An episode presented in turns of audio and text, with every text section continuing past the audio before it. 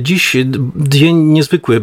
W polskim radiu pan prezes Kaczyński przyznał się, że mm, katastrofa smoleńska nastąpiła z powodu jego rozmowy z bratem i mm, z powodu namawiania do mm, lądowania w złych warunkach, czego wcześniej nie przewidywali.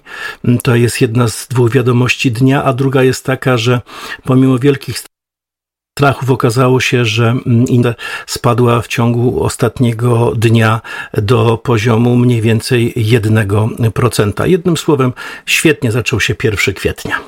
To tyle wiadomości prima aprilisowych, a teraz na poważnie.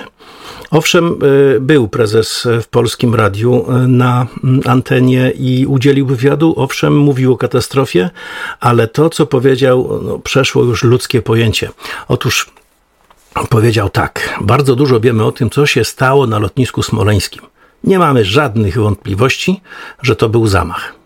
Nie wyjaśnił przy tym, czy chodzi mu o niego i mm, jego kolegów z rządu, czy o niego i o Antoniego, czy o niego i jego świętej pamięci brata. W każdym razie użył liczby mnogiej. Nie mamy żadnej wątpliwości, że to był zamach. E, brnął potem dalej i mówił, że mm, tak naprawdę nie mamy żadnej wątpliwości mm, w sensie procesowym, jesteśmy w wyraźnie trudniejszej sytuacji, ale mam nadzieję, że będziemy tę sytuację poprawiać.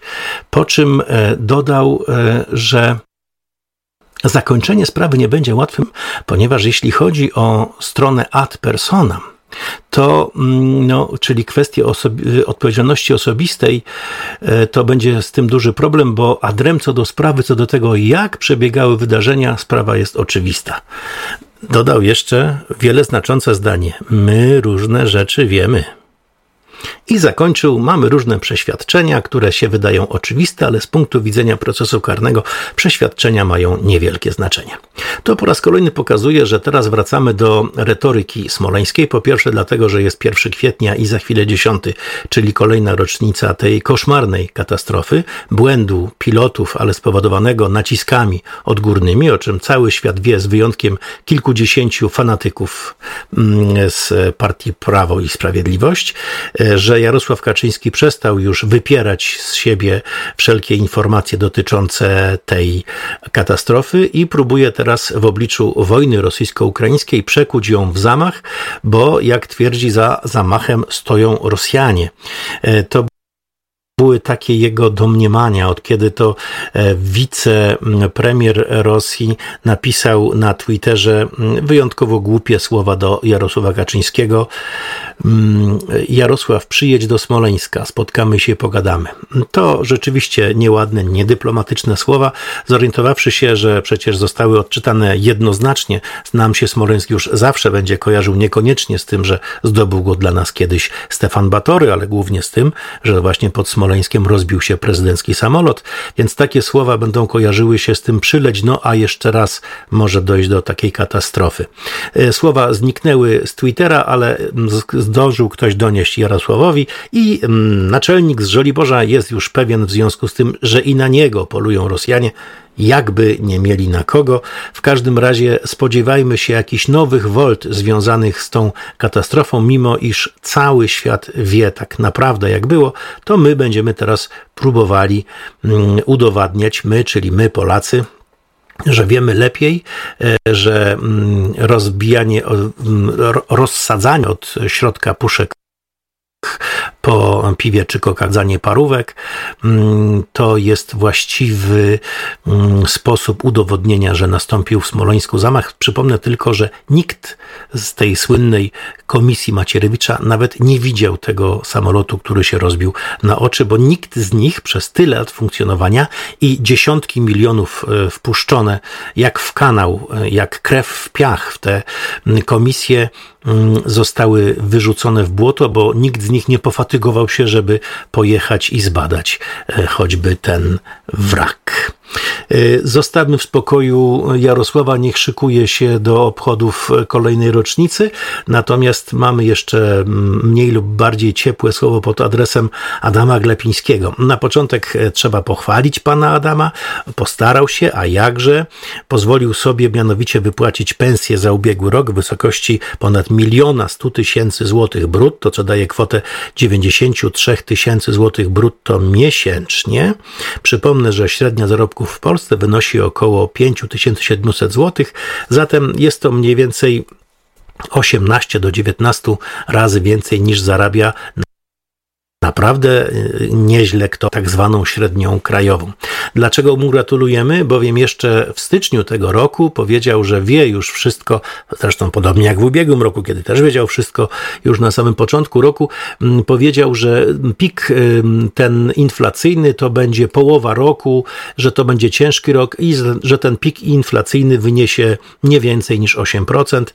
Gratulujemy, jest znakomitym ekonomistą, chwalonym, nagradzanym przez Andrzeja Dudę, kolejnego wybitnego znawcę tematu. Otóż, proszę Państwa, w skali miesiąca mm, za marzec na szybko możemy powiedzieć, że ceny konsumpcyjne wzrosły aż o 3,2%, natomiast inflacja była już dwucyfrowa, roczna, rok do roku, wyniosła 10,9%. Jest to upadek polskiej gospodarki. On pokazuje, że mm, od e, lipca 2000 roku, a więc przez cały XXI wiek, nie mieliśmy tak wysokiego wskaźnika inflacji i nic nie wskazuje na to, żeby miał się on zmienić. Mm, I uwaga, wcale mm, na poziom e, inflacji najbardziej nie wpłynęły cen paliw paliw samochodowych, ale jak ekonomiści i e, potwierdzają to badania, ceny nośników energii, które mają w koszyku inflacyjnym dużo większą niż paliwa, a energia urosła nam od nowego roku i ciągle rośnie i kto wie, czy Polski Ład e, to nie będzie kolejny jakiś e, bardzo rozbudowany, już nie tylko pryma aprilisowy, ale w ogóle całoroczny żart skierowany przez rząd Mateusza Morawieckiego do coraz biedniejszych rodaków. Słuchaj, e, no to są, wiesz, no. Prezes mówił, że dadzą radę i że będzie dobrze. No to jemu jest dobrze, tak jak powiedział, tak jest, więc tutaj się wszystko zgadza. Reszta prognoz się rozjechała, no ale to z prognozami to tak zawsze bywa, bo jak się nie da, to kto tam mógł wiedzieć, że będzie wojna, kto mógł wiedzieć, że będzie pandemia i tak dalej, i tak dalej. E, zostawiając sprawy mm, finansowe, sprawy polityczne, kulturalnie też dużo w Polsce się dzieje. Rozdano wiktory, tylko chyba nikt ich nie chciał odebrać. Tak coś mnie dobiegło. No niezwykłe rzeczywiście była ta gala. Y, telewizja Polska od momentu przejęcia PiS i przez wiernego psa, jak sam się nazywał, zresztą przecież ja bym nie śmiał tak nazwać oberprezesa telewizji, czyli Jacka Kurskiego, wiernego tego psa pana prezesa Kaczyńskiego, e, postanowił w tym momencie, chyba najgłupszy, jaki mógł sobie wyobrazić, w momencie, kiedy mamy po naszej prawicy, czyli na wschodzie, wojnę, która jest w tej granicy. Przypomnijmy, że z Brześcia lotnisko jest 18 km od polskiej granicy. Startują samoloty, helikoptery rosyjskie i stamtąd prowadzone jest ostrzał artyleryjski. Stanów. W takich oto okolicznościach przyrody pan Kurski organizuje kolejną galę Wiktorów. Na początek popełnia klasyczne faux pas, bowiem powinien był zaprosić, tak jak Akademia Amerykańska zaprasza wszystkich nominowanych, tak on powinien zaprosić również. No ale na liście nominowanych były nazwiska, które są na czarnej liście telewizji polskiej, na przykład Maciej Sztur. W związku z tym te osoby nie zostały zaproszone, czy on, czy Rokłowicz. E, w związku z tym również e, wielu innych stwierdziło, że nie widzi potrzeby przybycia na tę nadmuchaną niezwykle imprezę e, i mm, skończyło się tak, jak się miało, czyli zamiast Stinga, który był pierwotnie planowany, wystąpiła Edzia, mm, Wiecie Państwo, o kim mówię.